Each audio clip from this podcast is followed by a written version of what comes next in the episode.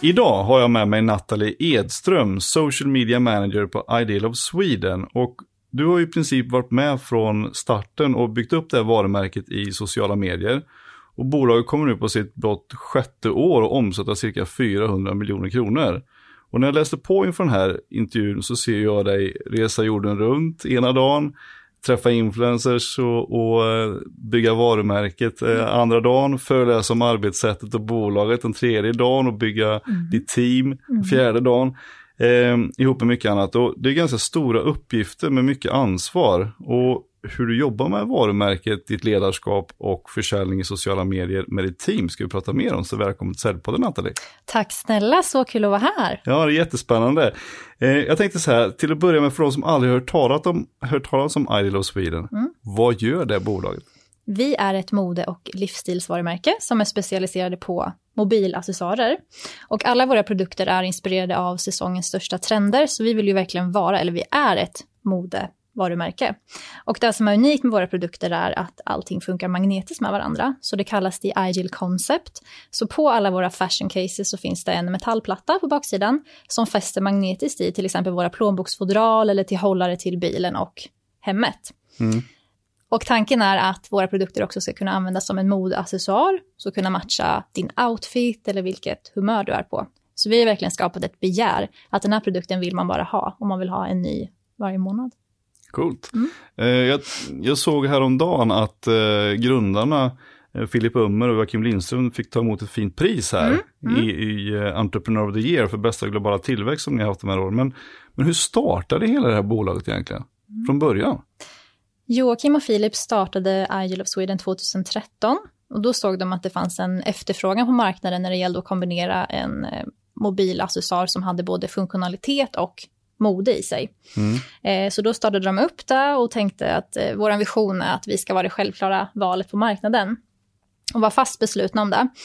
Och det var ju tuffa år där i början kan man säga. Och det här har säkert många läst om. Men det började i Joakims garage med kartonger från golv till tak. Han hade småbarn som kröp omkring på golvet hemma medan de jobbade. De fick ta viktiga samtal i bastun. Eh, och det var en riktigt kaotisk eh, tid där. Eh, helt enkelt. Sena nätter, nära att gå i konkurs. Men eh, de gav liksom aldrig upp. De här grabbarna är otroligt inspirerande och har verkligen gjort det omöjliga möjligt. Och det har vi bevis på, för då gick de då sen från 12 miljoner till 50 miljoner till 150 miljoner och nu i år kommer vi omsätta mer än 400 miljoner. Vi är 65 anställda och vi har återförsäljare i över 70 länder och eh, har ett register av 30 000 influencers världen över som vi jobbar med. Ja, det är helt galet egentligen. Mm. På bara några få år. Mm. Eh, och jag tänkte, jag såg en bild om det här för inte så länge sedan om om alla de här stora företagen som alltid ifrån USA i de här bilderna, var de startat i ett garage just, så det mm. kanske blir att man kompletterar de här eh, Apple och allt det här med Ideal och Sweden. Här ja, framöver. precis, får sikta dit. Ja. Men när vi träffades för ett par månader sedan på sociala mediedagen mm. i Norrköping så föreläste du om din resa här på Ideal och Sweden. Och du berättade hur du fick uppdraget med att jobba med sociala medier. Men hur gick tankarna när Filip och, och Joakim gav dig det här jobbet? För du var inte så gammal då. Nej, jag var ju, jag är 26 idag, så jag var ju 23 då. Om jag inte minns helt fel. Ja. Och jag blev faktiskt tipsad om den här annonsen på min dåvarande praktikplats. Och jag hade aldrig hört talas om företaget, eh, men kände bara att den här annonsen verkligen tilltalade mig. Och att jag var tvungen att söka den. Så jag gick ju på intervju och sen fick jag tjänsten ganska direkt efter. Um, och jag var såklart jättenervös på den här intervjun, men sen så himla taggad på när jag fick den här rollen. Jag tänkte liksom inte vilket ansvar det var jag gav mig in på, utan var bara så här, totalt orädd och kände så här, ja, det här ska bli så, så himla kul. Mm. Mm. Hur tänkte du att du skulle ta dig an det då, liksom från början när det är ju ganska stort uppdrag liksom. Ja, du ska mm. sköta vårt sociala medier. Ska, och de hade ju en stor vision gissar jag från början hur de ville bygga sitt bolag. Mm. Hur visste du vad du skulle göra? Nej men det visste jag ju inte. alltså jag var ju helt oviss om vilken, eh, vilken resa som faktiskt väntade och hur mycket ansvar det faktiskt var. Jag, jag, när jag läste annonsen så var det så att du ska jobba med influencers världen över och de var fast beslutna om att de skulle växa. Och jag var bara, jag reflekterade nog aldrig ens över att det skulle vara omöjligt på något sätt, utan kände mig bara otroligt peppad. Um, och sen var det bara att kasta sig in i allting och testa sig fram helt enkelt. Mm. Men visste du vad du skulle göra från början då? Jag visste att de skulle bli världsstora och att jag skulle jobba med bloggrelationer som det då kallades. Ja. Och att jag skulle ha hand om deras marknadsföring, men sen mer specifikt eh, än så visste jag inte. Du var ju, om jag har förstått det, nummer fem in på bolaget. Mm. Och fick ju då det här stora ansvaret direkt. Och, men hur tog du dig an den uppgiften? Ja, det var en utmaning. Det var ju ingen så klassisk introduktion man började, som Nej. det finns idag när mina anställda börjar, utan det var mer så här, varsågod, du ska få vårt varumärke att växa och bli världsstort. Så att jag gjorde ju lite av, av allt där eh, och ansvarade för budgetar på flera hundratusentals kronor. Och då Mm. hade ju inte jag någon erfarenhet egentligen alls av det här, ska jag nämna. Så att jag fick dels sitta med annonsering på Facebook och Instagram. Jag fick skicka paket hux flux världen över till influencers. Jag stod och packade på lagret. Jag fick köra bilen till posten. Jag designade nyhetsbrev. Ja, jag gjorde lite av allt helt enkelt. Och jag fick bara prova mig fram helt enkelt. Eh, och var tvungen att våga. Jag hade inget annat val än att bara så här, testa mig fram. Våga spendera, eh, inspireras av vad andra företag gör. Eftersom att vi spenderade och syntes så mycket då, eh, så gjorde det också att vi blev uppmärksammade och snabbt fick mycket branding men också mycket försäljning på köpet. Ehm, och jag är verkligen tacksam att Joakim och Filip har gett mig det här enorma förtroendet, för det har som sagt inte gett mig något annat val än att bara, bara göra det, Mm. helt enkelt. Eh, Och fått fria tyglar, mycket feedback och kritik som har kunnat kännas väldigt jobbigt, men som jag är tacksam för, för det har gjort att jag verkligen har växt och eh, vågat göra alla de här sakerna. Mm. Men hur, jag menar du, du, jag, du var ju en influencer själv innan tiden på Idol of Sweden. Och ja men det får man väl säga. Och du är ju det fortfarande i, i mångt och mycket. För du gör ju väldigt mycket inlägg på, på framförallt Instagram då, men Mm. även på andra ställen.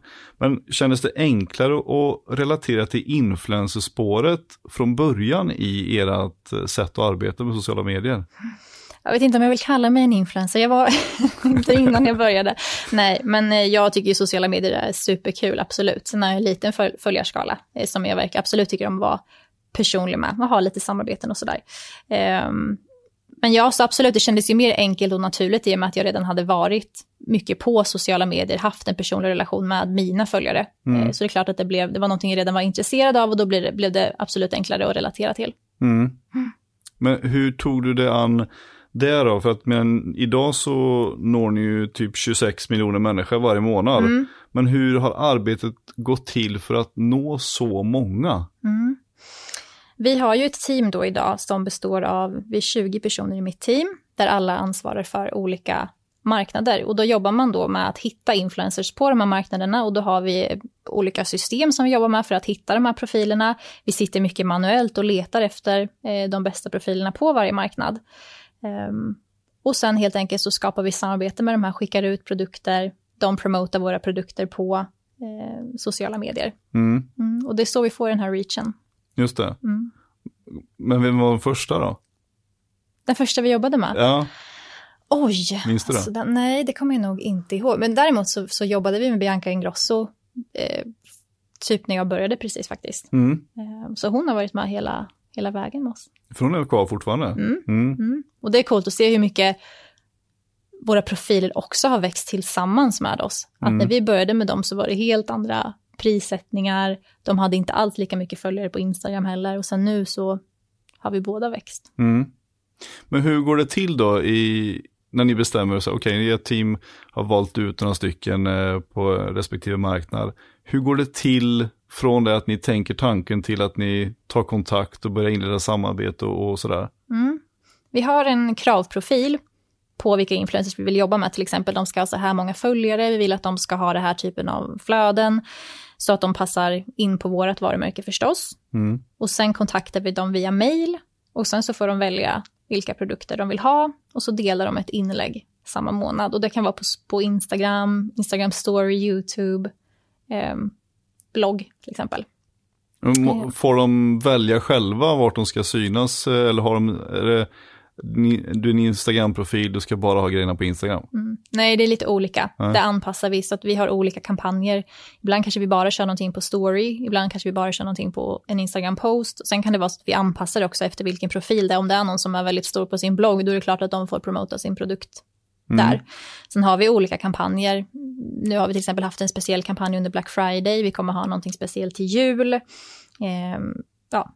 Och sen större profiler ska jag också nämna går ju oftast via agencies, så att det är lite olika vilken typ av profil. Det finns ju mikroinfluencers som inte har lika mycket följare, de kan vi nå ut direkt till, medan större profiler har oftast en agent eller manager som mm. mellanhand som man då tar kontakt med för att skapa ett samarbete. Just det.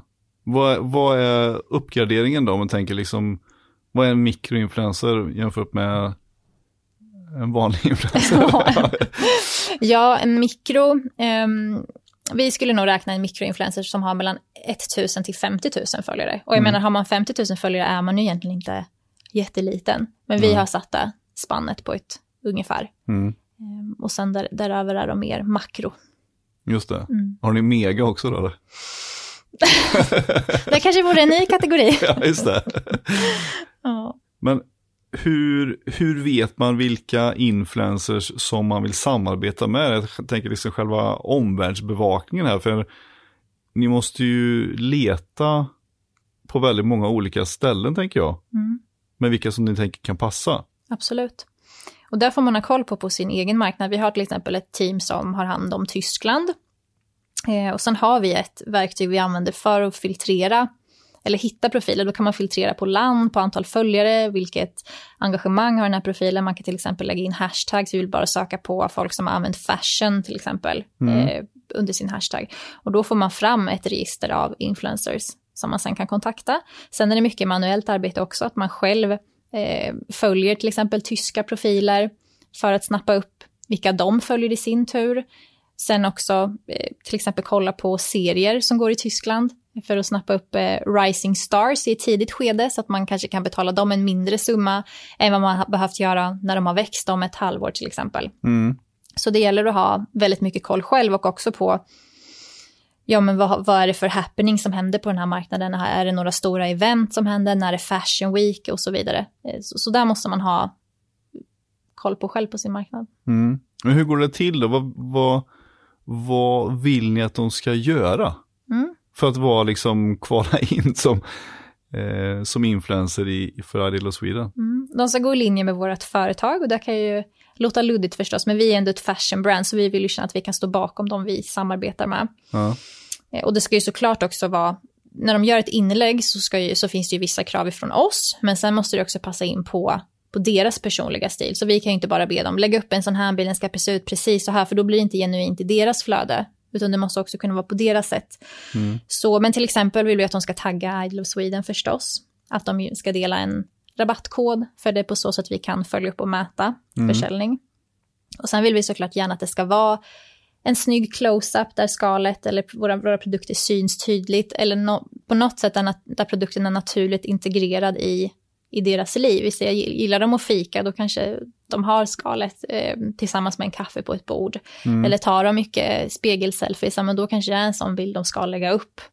För att det känns mest naturligt i mm. deras flöde. För vi säger att det är någon som alltid bara lägger upp spegelselfies och sen plötsligt så skulle de posta en bild på en close-up på våra produkter. Då skulle kanske inte det kännas speciellt trovärdigt Nej, i det här flödet heller. Så att så får man också anpassa det förstås. Så att de, våra profiler får också vara med och tycka till. Mm. Hur mäter ni om samarbetena har varit eh, bra, eh, okej okay, eller rent av dåliga? Mm. Men vi är ju väldigt resultatfokuserade. Det vill säga vi kollar väldigt mycket på hur de har dragit in i försäljning och sen beror det på om det är någon stor profil som vi har betalat väldigt mycket pengar. Då är det såklart, då har vi högre krav på det, att då ska de ha dragit in mer försäljning för att vi ska se att det har varit lönsamt för oss. Mm. Men när det gäller de mindre profilerna som vi bara skickar produkter till i utbyte mot att de gör marknadsföring, där krävs absolut inte lika mycket försäljning för att vi ska välja att fortsätta arbeta med dem. Och i vissa fall så behöver de inte alls ha dragit in någon försäljning, utan vi kollar mer på mjuka värden då tog de en fin bild som vi kan använda och reposta i vårt flöde. Fick den här bilden mycket engagemang så att vi fick räckvidd och eh, branding. Mm. Så, så, att vi kollar inte bara på sälj, men det är såklart en väldigt central del för oss. Och det här är ju såklart en marknadsföringsstrategi som gör att vi får väldigt mycket branding. Det här ger ringar på vattnet, så att även om vi inte kan mäta säljet direkt nu, så kommer det ge sälj i det långa loppet för att någon har sett det här skalet hos en influencer och sen går de in och köper direkt via vår hemsida kanske nästa vecka. Och då mm. är det mm. ändå ingenting som vi kan mäta direkt. Nej, precis. Men hur, hur länge, du nämnde Bianca Ingrosso förut, men hur länge är normala samarbetslängder då? Är det lite grann beroende på hur det går för dem och hur mycket de säljer eller hur brukar det se ut? Ja, förstås. Ofta så gör vi ett första test en månad för att, för att se hur det har gått och sen efter det så, om det har gått bra då, så signar vi ett long term. Mm. Och vi vill oftast jobba tillsammans i eh, sex eller tolv månader. För att vi satsar bara på långsiktiga relationer och det gäller detsamma även om det är stora profiler eller mindre profiler så vill vi ha ett, ett pågående samarbete. Så till de mindre profilerna så skick, försöker vi eh, aktivera dem i kampanjer varje månad så att de kanske får en ny produkt och eh, får ta del av något nytt erbjudande så att de alltid känner sig att de är underhållna. Just det. Jag tänker att det, det, jag tänker att det borde vara viktigt att man gör det eftersom det blir kanske dumt att man har samma skal då. Mm. 30 bilder på i olika sammanhang bara. Utan Nej, det måste vara lite, lite fräscha nya grejer. Förstås. Nej men det skulle mm. kunna vara så att vi skickar en produkt och sen gör de ett inlägg och sen samarbetar man inte med dem igen. Men vår tanke är att vi ändå vill aktivera dem i kampanjer på nytt då, varje mm. månad.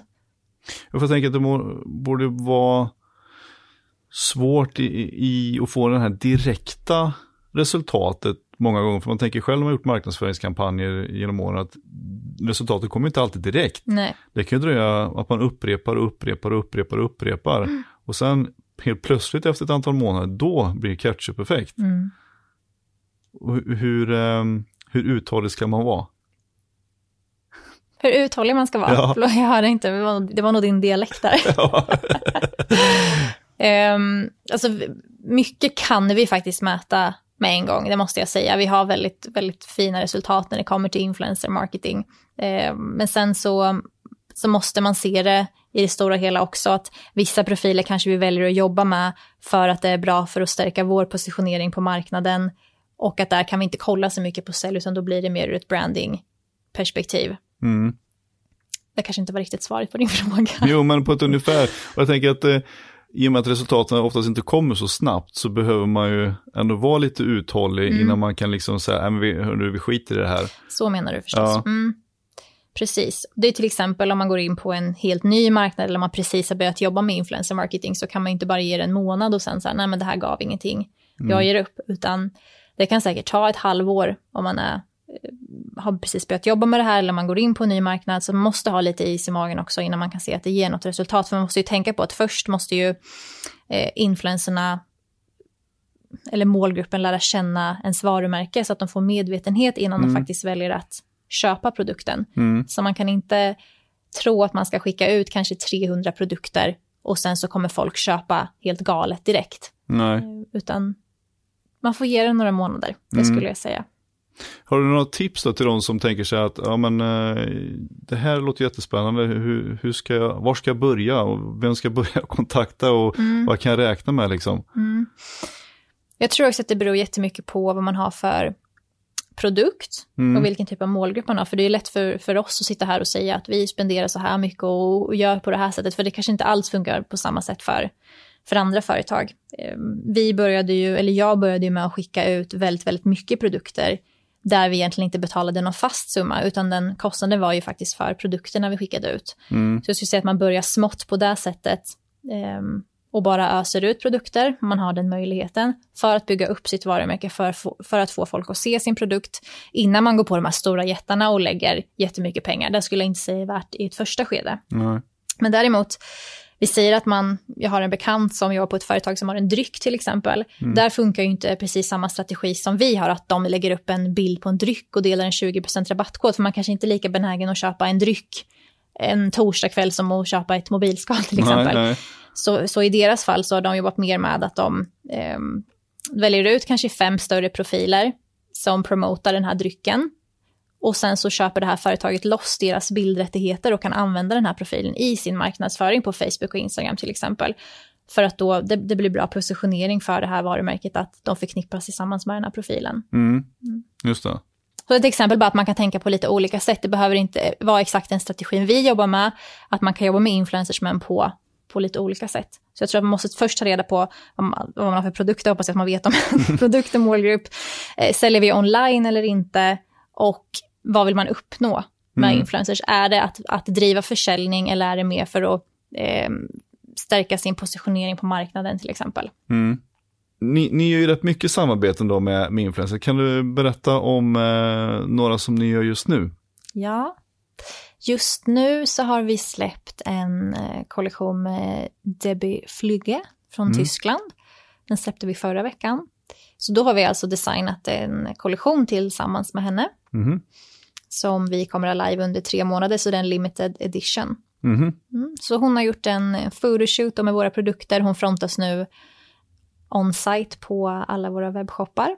Vi kör henne i annonsering och eh, hon promotar de här produkterna. Då. Mm. Så det är ett samarbete som vi har ongoing och eh, vi har gjort eh, flera sådana här designsamarbeten och more to come under Jaha. nästa år. Det var lite hemligt. Ja, just Ja. det. Lite cliffhanger. Får man följa eran, er i sociala medier helt enkelt för att få reda på vad det är då? Precis. Ja, men vad har vi mer? Vi, vi har ju provat lite poddar nu faktiskt. Mm. Och, så vi har varit med i Rebecca och Vanessas podd, Mm. Nu börjar livet.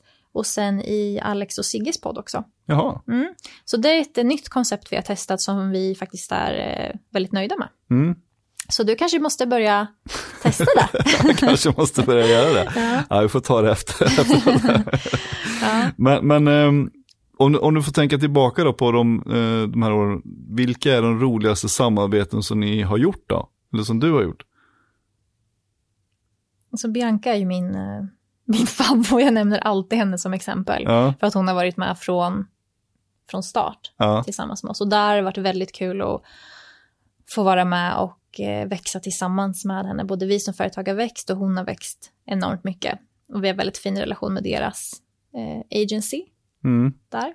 Och sen att vi också, då har hon, exempel på hur mycket hon har växt längs vägen är att hon har ju en egen show nu som heter Wahlgrens värld, mm. där våra skal till exempel syns också, vilket Mm. har gett oss Jag väldigt tänkt på mycket. någon Mm. Ja. precis. Eh, Så det ger ju oss jättebra mervärde förstås. Mm. Så det har varit ett, eh, ett bra samarbete. Jag måste tänka vad vi har haft mer. Alltså vi har ju enormt många samarbeten. Vi har ju flera, flera tusen samarbeten per månad. Mm. Där många ser ungefär detsamma ut månad efter månad. Bara det att det är olika typer av kampanjer. Alltså de promotar olika typer av produkter. Men sen är ju event en väldigt stor del av vår marknadsföringsstrategi också. Så i april så var ju vi ute på en World Tour, hela mitt team. Vi åkte till 17 länder och 29 städer. Och hade event för att vi då hade släppt en ny kollektion och träffade då de här influencerna som vi samarbetade tillsammans med. Mm. Och det var en helt otrolig upplevelse. Hur går de eventen till då?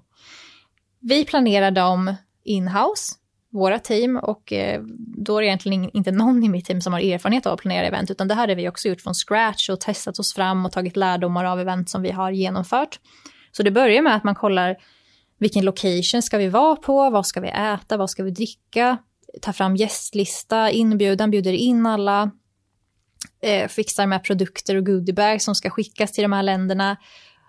Och så ska man ju resa dit och genomföra allt det här också. Mm. Så det är mycket grejer som... Eh, man får alltid ha en plan B när det, när det gäller event. För det är Mhm. alltid grejer som inte går som det ska. När vi var i Japan, jag var då i Japan, så kom aldrig produkterna fram som vi, som vi skulle ge till influencerna. Så vi fick hålla i ett event utan våra produkter. Men det gick så bra ändå. De var, ja, de, eh, de var jättegoda och glada och de fick, de fick produkter i efterhand sen. Men Ja. eh, det funkar eh, att genomföra grejer även om det inte alltid blir som man har tänkt sig. Ja, Mm. men hur brukar det, det se ut då? Så att det, ett gäng influencers från varje land, Mm. de dyker upp och sen så är det lite då någon form av visning av produkterna gissar jag.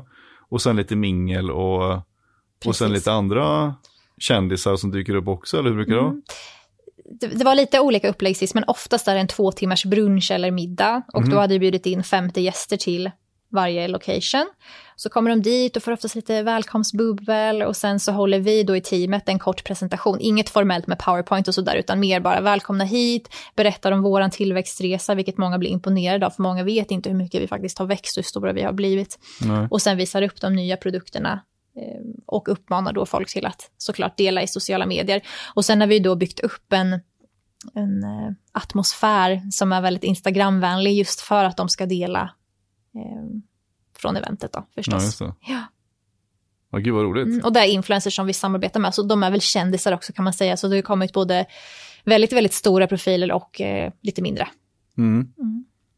Men om, man, om du får titta lite på ditt arbete då, du åker runt och, och lär känna nya influencers, Mm, Eh, skapa nya event och avtal med dem, eh, vara runt och föreläsa lite grann om, om varumärket och om bolaget som du också gör på olika möten. Mm. Eh, och sen då eh, bygga ett team ja. samtidigt mm. och sen ha ett vanligt liv ja, som. Vad är liksom, vad är roligast? Ja. Jag, jag tror inte att jag kan välja någonting som är roligast. För det är så här högt och lågt. Som sagt, ena dagen kan man sitta och mejla, andra dagen är man i USA på ett event. Så eh, jag, jag, tror inte att jag kan välja det. Jag bara älskar mitt jobb och jag tror verkligen och hoppas att det märks i alla som träffar mig att jag trivs så otroligt bra. Och jag har aldrig någon söndagsångest. Det, det finns liksom inte, utan jag lär mig någonting nytt hela tiden och jag, jag älskar verkligen min arbetsplats och alla, alla människor jag jobbar med. Mm. Men just nu så har jag ju fått in två teamleaders som då tar det operativa arbetet med alla personalfrågor, vilket har gjort att jag har fått mer tid till att sitta och jobba strategiskt och kolla på hur ska vi skala upp vår marknadsföring. Och det tycker jag är otroligt roligt och är sånt jag egentligen har velat ha haft mer tid till men inte riktigt hunnit med. Just det. Så um, Ja, jag kan inte riktigt svara på den frågan. Nej, men det är väl mixen ibland som ja. gör att, att uh, arbeten blir roliga såklart. Ja, men det tror jag definitivt. Hade jag bara gjort en grej, då hade jag nog tyckt att det blev monotont och tröttnat eh, lättare. Mm. Jag tänkte på när, när du föreläste då för ett par månader sedan på sociala medier så nämnde du att, att det var väldigt viktigt att hålla kontakten mm. med influencers. Att, att du, man både ringer och mässar och skickar något kort ibland och, och tackar och så. Mm. Eh, och det kanske man kan då jämföra med i, i vanliga världen så att säga med, med kundvård. Mm. Om du skulle tipsa lyssnarna då på hur man bör jobba med kundvård, vad, vad, vad, skulle du vilja att säljare och företagare tar till sig och, och jobbar mer med? Att vara mer personliga. Mm. Sen kanske inte det passar i, i alla yrken. Vissa kanske man måste vara väldigt formell och professionell i. Men jag, jag pratar generellt nu då. Mm. Och vi har ju ett sånt jobb där man kan vara väldigt, väldigt gullig och personlig. Mm. Så det är mycket hjärtan och kram och hej gumman och sådär. Mm. Men som, som jag hade nämnt på föreläsningen är ju att skicka handskrivna kort. Bara så, vi säger att man ska skicka samples till en kund eller vad det nu kan vara. Att bara skicka med ett trevligt kort där det kanske står hej, här har du produkterna, hoppas att du har en, en fin dag, hälsningar. Alltså det är ju väldigt, väldigt mycket. Mm. Sen kan det vara att snappa upp personliga saker som man har tagit not om, till exempel då i det här handskrivna kortet om man har sett att den här personen har varit, eh, eller precis har fått barn eller att man vet att de ska på semester nästa vecka, då kanske man bara kan lägga in det, grattis till din son eller så. Ja, eh, också vi, typ som vid jul nu, eh, skicka julgåvor till, till ens partner för att visa uppskattning, vilket kommer att stärka relationer, eh, skulle jag säga. Mm. Mm. För ni, ni lägger ju ganska mycket pengar varje månad på, på marknadsföring i era kanaler med influencers. Men, men finns det någon gräns för hur mycket ni kan lägga på marknadsföring innan return of investment minskar? Eller blir det alltid mer försäljning ju mer man lägger på mm. marknadsföring? Vi har ju såklart ett, ett eh, mål att förhålla oss till. Ja. Och vi kollar på cost of sale då och eh, försäljning. Men sen är det så att när vi spenderar mer så säljer vi oftast mer också. Så de två hänger ju ihop. Men sen måste man också vara selektiv här. Det är inte alltid som man säger, okej okay, men dubblar vi antal samarbeten och så kommer vi dra in lika mycket i försäljning. För vi säger att vi har hundra stycken samarbeten, då kan det vara så att tre av dem faktiskt drar in lika mycket försäljning som de 97 andra gör mm. tillsammans. Mm. Vilket betyder att man inte ska stirra sig blind på antalet alla gånger heller, utan verkligen försöka leta där vi tror att vi hittar de här guldkornen. Och det är otroligt svårt, för det vet man inte alltid innan. Men nu har man ju lärt sig lite så att de här typen av profilerna funkar, då får vi försöka leta efter andra liknande. Men här är det ett eh, ständigt jobb att optimera och hålla koll på vad man spenderar, vad man får in i intäkt och vart man ska lägga mer krut. Mm. För ni spenderat väldigt mycket pengar redan från början på, på marknadsföring. Mm. Men hur gjorde liksom de, Li Filip och Joakim det i början om man inte kanske hade så mycket pengar och, på intäkter? De tog det de hade eller? Ja, det gjorde de ja. definitivt. Och när jag började så omsatte de ju ändå cirka 12 miljoner. Så mm. det är klart det fanns ju eh, lite pengar i företaget. Och det var ju deras nyckel till framgång att faktiskt våga spendera. För många företag håller ju tillbaka för att de tänker att det här kommer inte ge någonting eller jag har inte, jag vågar inte spendera de här pengarna. Men vi la ju in alltså fler, fler hundratusen när jag började mm. och fick ju dubbelt så mycket tillbaka. Mm. mm. Ja, då blir det en no-brainer. Precis. Ja. Och då vågar man ju bränna på ännu mer. Så, men jag tror att det kan vara, det kan hämma många företag att de inte vågar spendera och då kommer de heller inte kunna växa. Nej. Finns det en risk liksom att när man satsar mycket då på, på influencers att, att det blir liksom mättat? Att man, nej men nu tror jag att vi har tagit dem som vi vill ha liksom. Mm. Nu det kommer kanske nya hela tiden och så faller bort några och så, men, men kan det vara så att man, att influencerspåret liksom, okej okay, nu har vi mättat upp det, nu måste vi prova mm. något annat. Mm. Eller har ni flera olika spår som ni kör parallellt? Ja, man, jag tror att många tänker så att, att det mättas ut, men sen får man tänka hur stort till exempel Tyskland är, hur mycket, mycket mer, alltså vi ser att vi har att vi har 10 000 vi jobbar med där. Mm. Förstår, det är ju så en liten del av den totala marknaden. Mm. Så att det finns otroligt mycket mer att hämta där. Sen kan man ju märka på andra marknader som Finland, eh, Danmark, att det kanske mättas ut, att det är svårare att hitta nya profiler. Men då får man hitta sätt att jobba med sina befintliga profiler på istället och hitta nya upplägg där, kanske testa andra kanaler än bara Instagram. Eh, så det finns jättemycket mer att hämta. Mm. Och vi kommer också gå in på fler marknader under nästa år. Eh, så då kommer vi ha helt nya profiler att jobba med där också. Just det. Det är klart, det var en dum fråga egentligen för mig. Varenda människa kan ju liksom i princip eh, bli då influencer i, i förlängningen. Så det, det, är klart att, man, eh, att det finns en ganska eh, hygglig marknad eh, ändå. Då. Men om vi går över till din andra del i arbetet, det här ja. med chefskapet och ledarskapet. Mm. För du blev ju chef tidigt och du har ju idag en stab av duktiga människor som du leder. Men mm. hur var det att få chefsansvar tidigt? Ja, det var en, eh, det var en utmaning. Nej, men det kom väldigt naturligt också. Jag hade ju jobbat nästan ett år då, fått, fått bygga upp all struktur och strategi, för det fanns ju absolut inte när jag började. Då testade jag bara grejer hej vilt och liksom spesade inte ner någonting någonstans. Jag hade ju inte egentligen koll på hur, hur grejer kanske gick. så.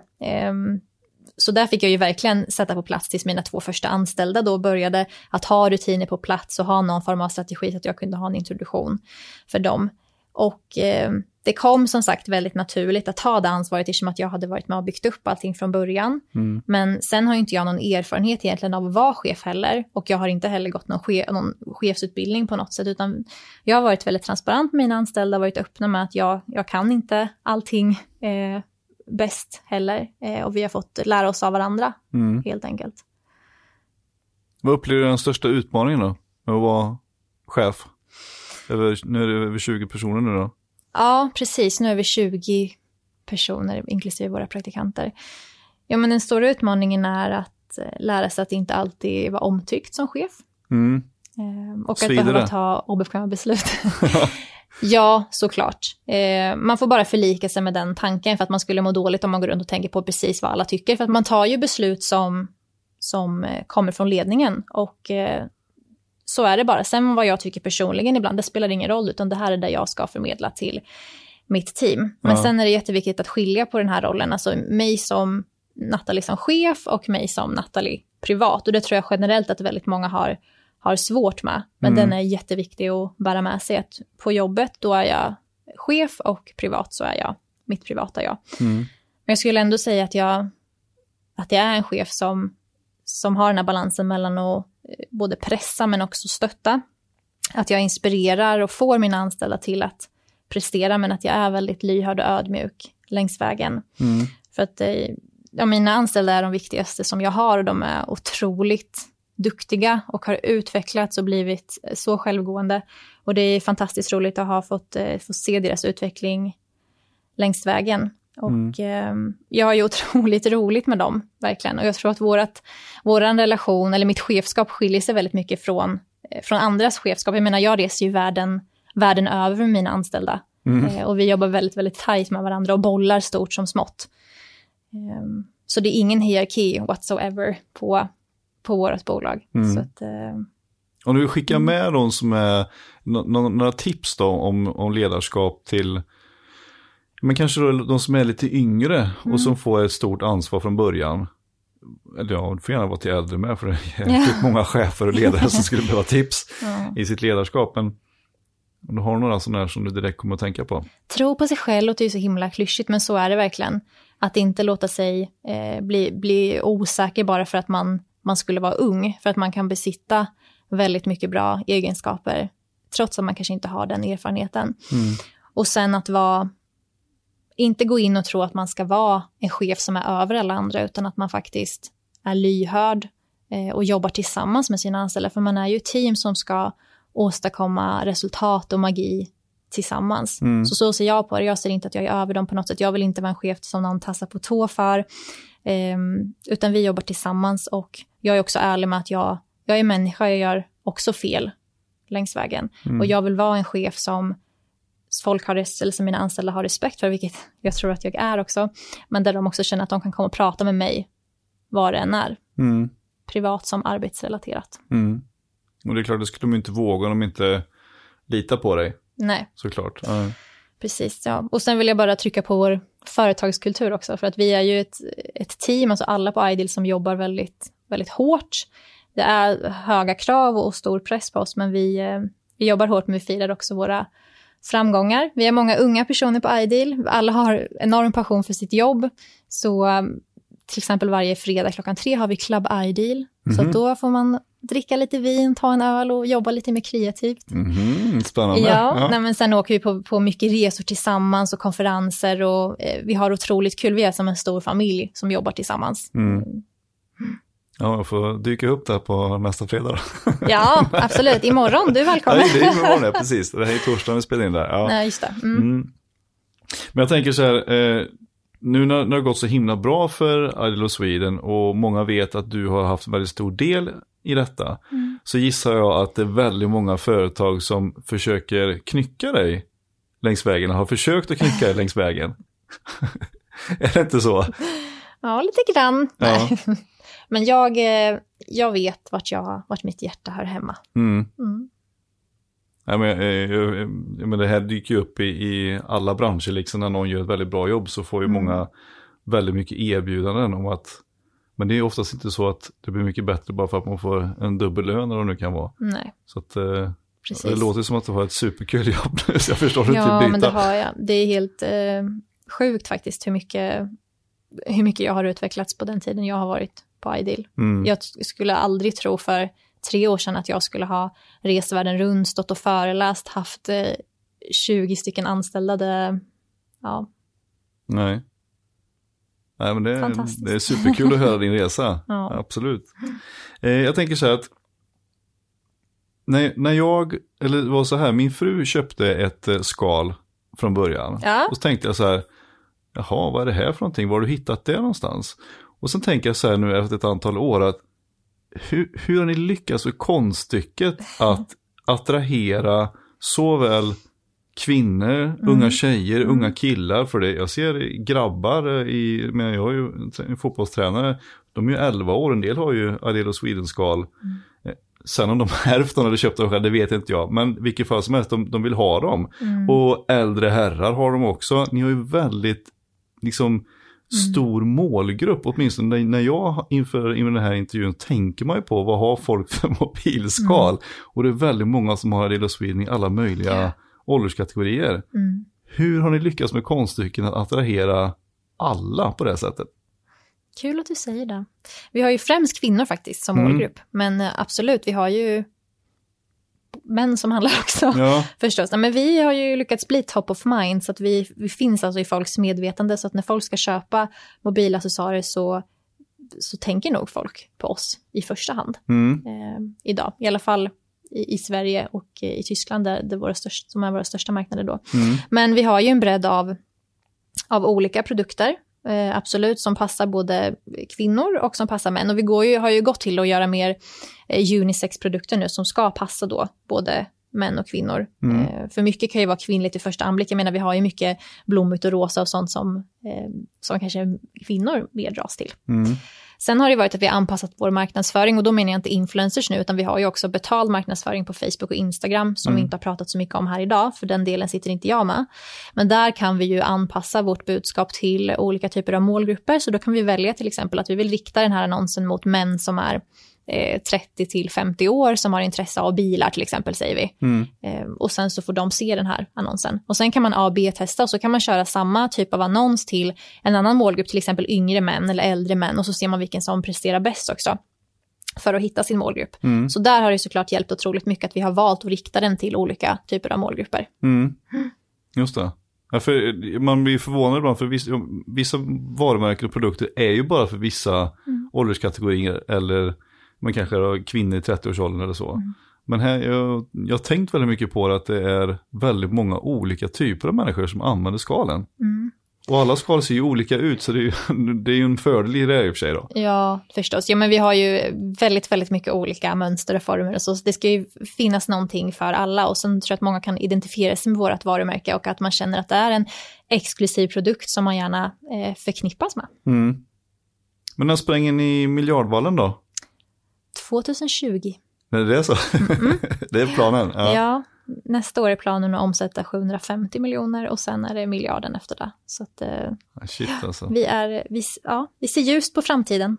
Ja, gud vad roligt. Ja, det är coolt. Eh, så här, mätverktyg och lite säljverktyg och så här. Jag tänkte undra om du har liksom några program eller verktyg så som du vill tipsa om som ni använder som kan vara bra för andra också att veta att det här existerar för att kunna liksom mäta resultat i sociala Mm. medier förutom det som finns inbyggt till exempel i, i Facebook eller så då. Ja, precis. Vi gör ju väldigt manuellt arbete ska jag säga med influencers. Alltså vi har ju rabattkoder som de delar som vi sen följer upp i Google Analytics. Mm. Så det är ett, ett manuellt jobb. Sen har vi, eh, jobbar vi mycket med affiliate, det vill Mm. säga att de kan dela eh, adlinks som det kallas, eh, som folk sen kan klicka på. Och sen om de köper på och har klickat på den här länken så får influencern provision då Mm. på det. Och det är cookie-tid på 30 dagar, så att även om någon har klickat idag, men sen först går in och köper de 14 dagar, så får ändå profilen provision på det här. Och där har vi ett verktyg som heter Adviral, Mhm. som funkar väldigt bra. Och det är ju främst för influencers då, som, eh, kan registrera, som registrerar sig här, och så finns det olika brands eh, som vill nå ut med sina produkter, och då kan influencerna hämta länkar härifrån som de sen delar på Instagram eller på sin blogg till exempel, för att tjäna pengar, och som såklart gynnar oss då för att de delar om våra produkter och driver in försäljning. Just det. Så Adviral är den som ni, och Google Analytics egentligen som ni kör mest med eller? Ja, sen har vi ett verktyg som heter Brambassador också och där har vi också vi har 18 000 medlemmar där som eh, utför olika typer av uppdrag för oss. Så kan de tjäna pengar och provision eller få fria produkter för att utföra de uppdragen. Mhm. Mm. Och det är över hela världen då? Det är över hela världen. Precis. Så det är just när det kommer till influencers. Sen har vi ju massa andra verktyg när, vi, när det handlar om betald marknadsföring, men de, de bitarna har inte jag lika mycket koll på. Ja, just det. Eh, slutligen då, det är ju egentligen bara ett par veckor kvar till jul här. Och, Ja, och julhandeln gissar jag är en, en stor eh, peak för er del, som det säkert har varit med det här Black Friday och absolut. Singles Day. Mm. Eh, men vilka julklappar från eh, Ideal of Sweden vill du tipsa om?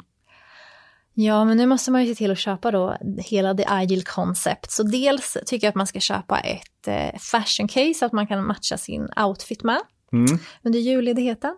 Och sen till det ett plånboksfodral som går att använda magnetiskt som man kan ha sina kort i. Sen en ring mount, det är en sån här magnetisk ring.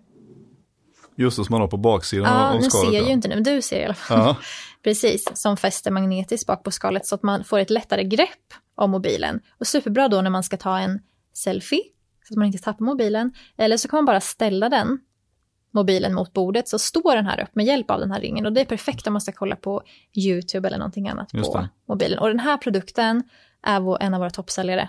mm, jag har sett att de är superpopulära. Mm. Grabb, bägge mina grabbar har Ja. skaffat sådana där. Ja. Nej men alltså jag klarar mig inte utan den har inte jag den här på så känns det så naket. Så den, den är ett måste.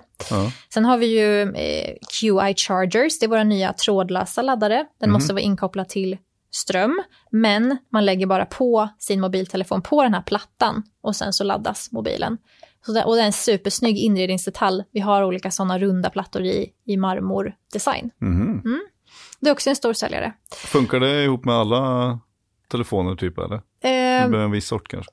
Det funkar till alla mobiler som har trådlös laddning. Ja. Mm. Yes, och då, då såklart så har jag en eh, rabattkod en rabattkod till er här som lyssnar på Säljpodden. Mhm. Och den heter Sallypodden och ger 20% rabatt fram till 20 december. Så Great. att ni kan köpa julklappar. Och skulle det vara så att ni lyssnar på den här podden efter 20 december så är det bara att ni hör av er till mig så ger jag er en ny rabattkod. Just det, och vart hör man av sig då?